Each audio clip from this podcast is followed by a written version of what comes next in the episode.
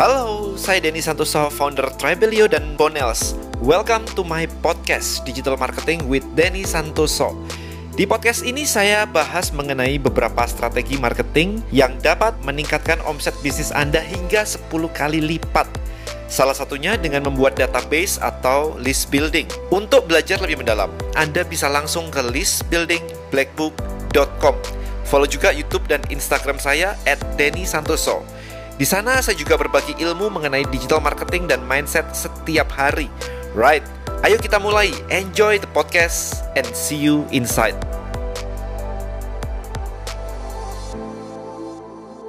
Alright guys, so kali ini saya pengen mengomentari sebenarnya. Karena beberapa hari yang lalu saya sempat live IG bersama Urovi. Seorang anak muda usia 19 tahun sebagai content creator dan sudah berhasil mendapatkan lebih dari 100 juta. Dan banyak orang yang ketika saya posting acaranya, mereka tuh mengatakan bahwa kayak aku pengen banget, aku umur segini aja belum pegang nih 100 juta. Well, ya saya sendiri juga nggak pegang 100 juta, but anyway. Idenya adalah gimana sih seorang anak muda jadi content creator dan ternyata bisa menghasilkan 100 juta. Itu kan udah lumayan banget ya, sangat lumayan sekali lah. Apalagi kalau masih umur 19 tahun. Dan ternyata ketika dibedah timnya juga udah lumayan. Ada timnya ada tujuh orang kalau nggak salah.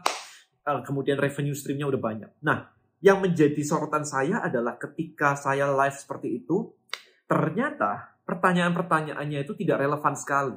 Jadi banyak orang pengen tahu gimana caranya dapat 100 juta tetapi pertanyaan dilontarkan itu adalah um, karena Urofi itu adalah seorang content creator di bidang video video ya videographer ngajar punya akademi juga uh, akademi videographer begitu maka pertanyaan-pertanyaan yang sering masuk adalah ngeditnya pakai apa softwarenya pakai apa kameranya pakai apa lensanya pakai apa. So it's all technical things yang ditanyain. Jadi ya sisanya wow wow doang bisa mendapatkan 100 juta tapi lainnya adalah urusannya teknikal semua gitu kayak teknikal begitu. Nah pertanyaan saya apakah technical itu bisa membantu anda mencapai 100 juta? Itu poin saya saya balikin tuh ke mereka tuh kemarin tuh stop pertanyaan kayak gitu. Emangnya tahu lensa apa bisa dapetin bisa membantu anda dapat 100 juta? Saya balikin kayak begitu kemarin. Dan tiba-tiba pertanyaannya jadi agak berubah mungkin banyak yang nyadar kali ya. Nah intinya adalah kita semua anda saya semuanya kemarin ini saya juga belajar banget bahwa ternyata fokus kita tuh mungkin salah. Ketika kita tidak mendapatkan apa yang menjadi impian kita fokus kita tuh salah gitu. Let's say pengen tahu anak muda jadi content creator mendapatkan 100 juta, yang ditanya yang ditanyakan harusnya 100 jutanya itu datang dari mana aja. Prosesnya ngapain aja? Detailnya seperti itu yang harus ditanyain. Misalkan upload konten, terus caranya konten jadi duit itu kayak apa? Oke, okay, let's say dapat 500 eh, ribu di endorse, dapat pertama dia udah dapat arti 250 ribu deh di endorse pertama. Um, habis itu jadi sejuta misalkan gimana caranya di endorse jadi se dari sejuta bisa jadi 10 juta misalnya atau gimana caranya bisa mendapatkan uang lebih banyak lagi nih? Supaya nggak cuma kayak 500 ribu sejuta. Gimana caranya nyampe 100 juta? Harusnya itu jadi fokus. Bukan lensanya pakai apa. Nggak peduli lensa apa. Ada ganti lensa emang emang omset anda naik itu nggak juga kan? Nah jadi hal-hal itu yang harus anda perhatikan. Nah sekarang di konteks yang lebih besar sebenarnya ketika anda sekarang struggling di dunia digital problemnya di mana sebenarnya? Problemnya apakah anda tidak memilih niche yang tepat Ataukah Anda tidak tahu cara jualan? Niche-nya ada dan kompetitorku laku tapi aku nggak laku. Apakah barang Anda jelek? Kalau Anda yakin barang Anda bagus, niche-nya ada, berarti Anda nggak bisa jualan kan? Kalau Anda nggak bisa jualan, apa yang harus diselesaikan? Ya harus you have to fix yourself. Anda yang harus dibenerin. Let's say Anda bisa join list building mastery. Di situ ada pitch night misalkan. Belajar caranya nge-pitch, belajar caranya jualan live gitu.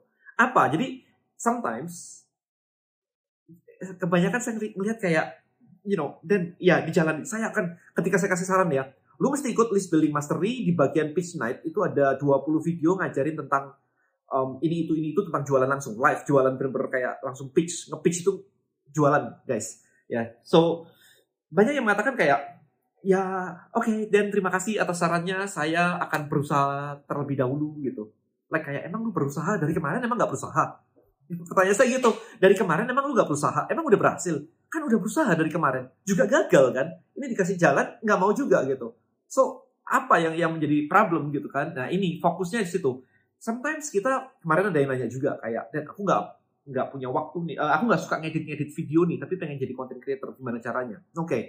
Kalau nggak mau belajar ya hire orang, selesai. Tapi kalau hire orang keluar duit, iya tapi hemat waktu. Waktu sama uang, itu lebih mahal waktu teman-teman, bukan uang. Ya kan? Kalau Anda harus cuci mobil sendiri dan sebagainya, artinya apa? Anda ngabisin waktu. Tapi kalau Anda bayar, Berarti Anda bisa hemat waktu sejam itu Anda beli dengan harga sekian. Anda Anda masuk ke car wash misalkan, bayar gitu. 50 ribu, 100 ribu, whatever sih. 50 ribu misalkan gitu. Berarti Anda bayar tuh sejam itu Anda harganya 50 ribu. Kalau saya bisa beli waktu saya mundur sekian tahun, bayar semuanya, saya kan bayar. Definitely. Karena waktu waktu tuh nggak bisa mundur. Uang bisa naik turun, bisa nambah terus, gak ada masalah. Tapi waktu tuh nggak bisa. Kita nggak bisa sekaya apa pun, tetap kita akan akhirnya tua. Selesai gitu. Nah, makanya waktu itu akan lebih mahal. Cuman, kebanyakan yang yang nggak ngerti kayak begini, mereka berpikir bahwa berusaha aja tanpa keluar duit, itu lebih worth it daripada keluar duit. Karena mereka nggak tahu value-nya waktu seperti apa. Itu sih, menurut saya. Jadi, guys, Anda harus fokus. Kayak kemarin saya sempat posting video tentang funnel autopsy, misalnya. Nah, di funnel autopsy itu mulai dari iklan, landing page, sampai conversion sampai follow up dan sebagainya. Bocornya di mana? Kalau Anda ngiklannya aja jelek, nggak usah ngomongin copywriting di belakang dah. Copywriting di belakang upsell dan sebagainya, itu pasti nggak akan jalan karena depannya aja nggak jalan. Jadi Anda harus tahu dulu ngiklannya jalan nggak. Nah yang disebut jalan itu seperti apa? Saya sebutin di funnel autopsy video saya. Saya sebutin bahwa minimal kira-kira on average CTR, click through rate, jumlah orang lihat berapa yang ngeklik itu minimal satu persen. Itu target kalau ada bisa 2%, 3%, it's amazing. Ya. Jadi itu. Nah, setelah orang ngeklik, buka halaman sebuah website, berapa banyak yang subscribe, masukin nama, email, dan nomor WA misalkan. Itu yang bagus, itu 30-40%. Kalau Anda bisa di atas 50%, it's super good. Tapi kalau Anda di bawah 10%, itu super bad, jelek banget. Nah, itu yang harus benerin. Ya, jadi jangan kayak Anda fokus di sini, tapi kliknya aja nggak ada. Yang ngeklik lo nggak ada. Kebayang ya? Yang ngeklik nggak ada, Anda ngurusin di sini itu namanya nggak fokus. Maka video kali ini sebenarnya saya pengen menekankan aja bahwa Anda harus tahu problemnya di mana supaya bisa fokus. Sekarang kalau ada sakit kepala gitu, terus diobatin, ya udah kasih obat satu obat sakit kepala, nggak sembuh sembuh dan Anda ke dokter, Anda bilang saya udah minum obat sakit kepala nggak sembuh sembuh, maka dokter akan ngelakuin serangkaian tes. Gunanya apa tes itu? Nentuin di mana sakitnya, di MRI lah, di apalah, whatever gitu. Nentuin dulu problemnya di mana. Jadi problemnya mesti ketemu. Jadi kalau Anda nggak bisa jualan, problemnya di mana sekarang? Andanya nggak bisa jualan, produknya jelek, kemudian memang marketnya jelek, marketnya ancur-ancuran semuanya dan Anda masuk di situ, atau apa? Anda nggak, nggak nemuin niche-nya misalkan. Anda ketemu dulu problemnya di mana, baru Anda bisa solve. Nggak bisa pakai cara berusaha. Remember, semua orang berusaha. Anda sudah berusaha. Cuma sayangnya nggak nyampe-nyampe kan? atau Anda bilang saya berusaha dulu, oh berarti dari kemarin kamu nggak berusaha ya? Ya, ya pantesan kalau kayak begitu. Remember this guys, ketika Anda ngomong ke saya, oke okay, dan saya baik saya berusaha dulu gitu. Emang kemarin lu nggak berusaha? Nanya doang begitu, ya kan? Saya kan balikin kayak begitu, saya kan nanya balik. Kalau Anda sudah berusaha dari dulu, oh dan saya udah dari dulu udah berusaha. Terus emang berusaha yang sekarang apa bedanya? Karena kamu juga nggak tahu apa yang mau diubah gitu kan. Makanya ketika diajarin dan sebagainya, Anda mesti mesti mesti tahu problemnya apa, belajarnya tepat kalau Anda belajarnya salah, itu juga nggak bisa. Ada yang bilang kayak, Allah, udah belajar, udah ini itu. Kalau nggak dilakuin juga nggak bisa. Kalau belajarnya salah juga nggak bisa. Let's say, urusan Anda adalah di sales. Penjualan nggak nggak naik-naik gitu. Terus Anda belajarnya meditasi coba. Kayak menenangkan diri, oke, okay, meditasi gitu. Well, itu bagus meditasi, tapi nggak ada hubungannya sama penjualan. Tangkap ya maksudnya ya.